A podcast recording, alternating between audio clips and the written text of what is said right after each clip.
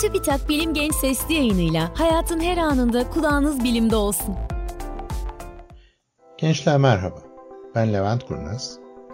Bilim Genç Sesli yayınında Mars'taki uzay araçlarını konuşacağız.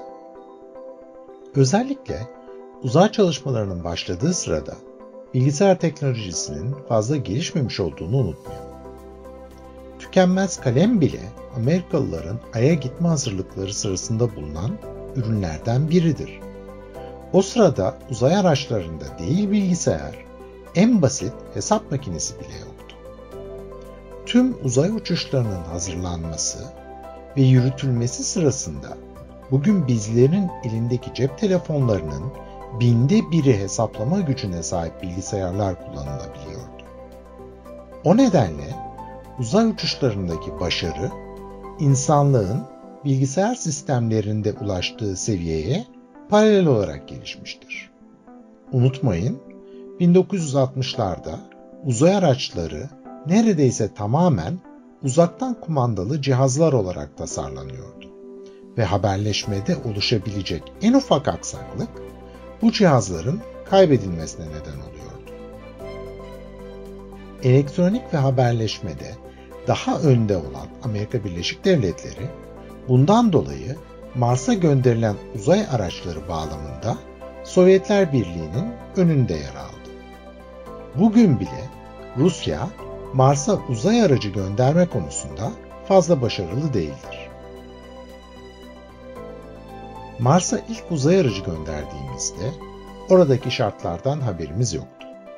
Hatta uzun zamandır Mars'ta nehirler, göller ve belki de hayat olduğuna inanılıyordu.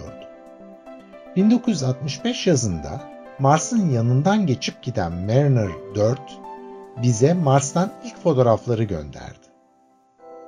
Ayrıca Mars'ın atmosferi ve manyetik alanı konusunda da bilgiler edindik. Bu bilgilerden Mars'ta yaşayan kimsenin olmadığını ve hatta yaşamanın da pek kolay olmayacağını öğrendik. Mariner 4 uzay aracının Mars'ın yanından geçip gitmesinin sebebi daha henüz bir uzay aracını bir başka gezegenin etrafında yörüngeye sokma teknolojisine sahip olmamamızdı.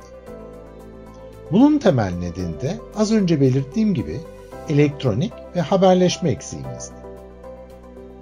Zaman içerisinde hem bilgisayarlar hem de haberleşme gelişince 1971 yılında Mariner 9 Mars'ın yörüngesine sokulan ilk uzay aracı oldu. Hemen ardından da Sovyetlerin Mars 2 ve Mars 3 uzay araçları da Mars'ın yörüngesine girdiler ve bize bolca fotoğraf göndermeye başladılar.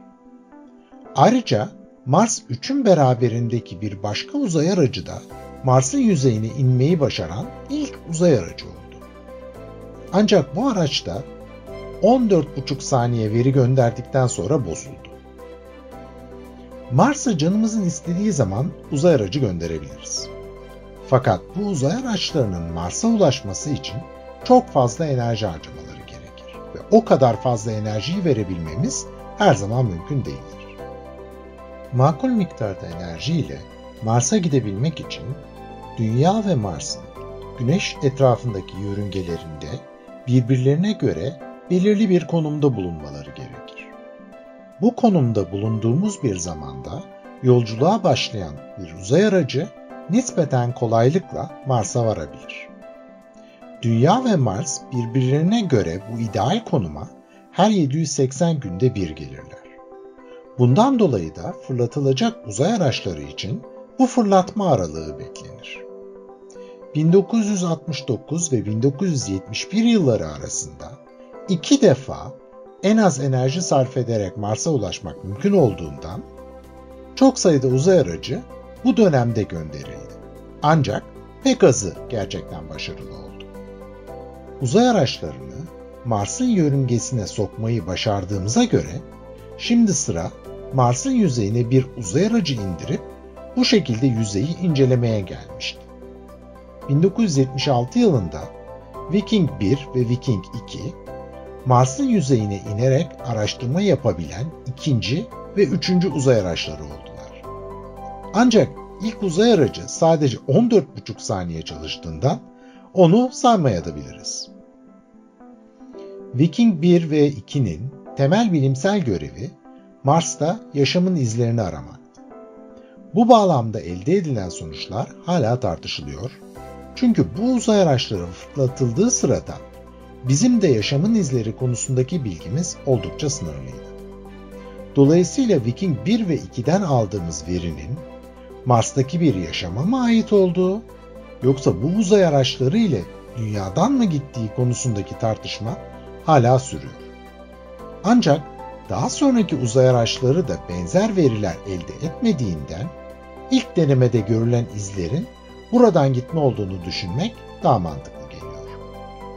Viking 1 ve 2'yi uzun robotik kolları olan küçük kimya laboratuvarları olarak düşünebiliriz. Yalnız bu araçlardan gelen veriler incelendiğinde genel tepki keşke şu ilerideki kayayı da görebilseydik şeklinde olduğundan araştırmalar gelişen bilgisayar teknolojisinin de yardımıyla Mars'ın yüzeyine hareketli robotlar indirme şeklinde ilerledi. Bir sonraki sesli yayınımızda da Mars'ın yüzeyinde hareket eden bu minik robotlardan bahsetmek üzere. Hoşçakalın. Bilim Genç Sesli yayınlarını SoundCloud, Spotify, Google ve Apple Podcast kanallarımızdan takip edebilirsiniz.